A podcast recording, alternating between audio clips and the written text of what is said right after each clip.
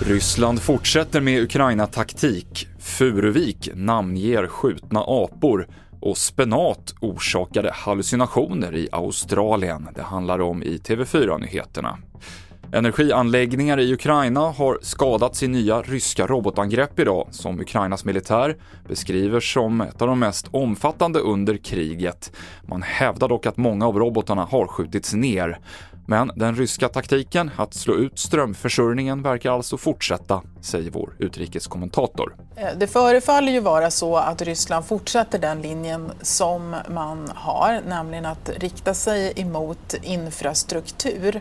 Och när det gäller Charkiv och eh, staden Poltava så har de städerna helt förlorat sin el och strömförsörjning. Eh, och i Kiev så var det delar då utav ström och vatten som påverkades. Mm. Så det tycks ju då fortsatt vara målet. Det sa Lisa Grenfors. En man i 30-årsåldern har häktats idag misstänkt för mord av tingsrätten i Luleå. Det var i tisdags kväll som han enligt uppgift till TV4-nyheterna sköt ihjäl sin granne med ett gevär på Hertsön i Luleå. Furuviksparken har nu gått ut med vilka schimpanser som skjutits till döds. Två av de bekräftat döda heter Linda och Torsten, skriver Furuviksparken.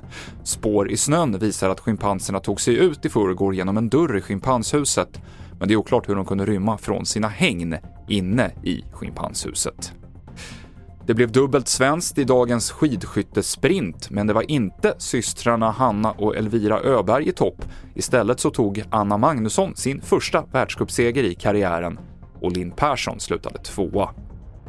Och flera personer har behövt vård i Australien efter att de ätit bebisspenat. De har drabbats av hallucinationer, illamående och suddig syn.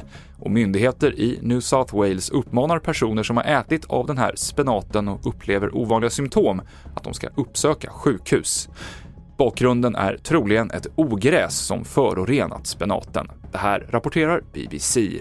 Och det avslutar TV4-nyheterna med Mikael Klintevall i studion.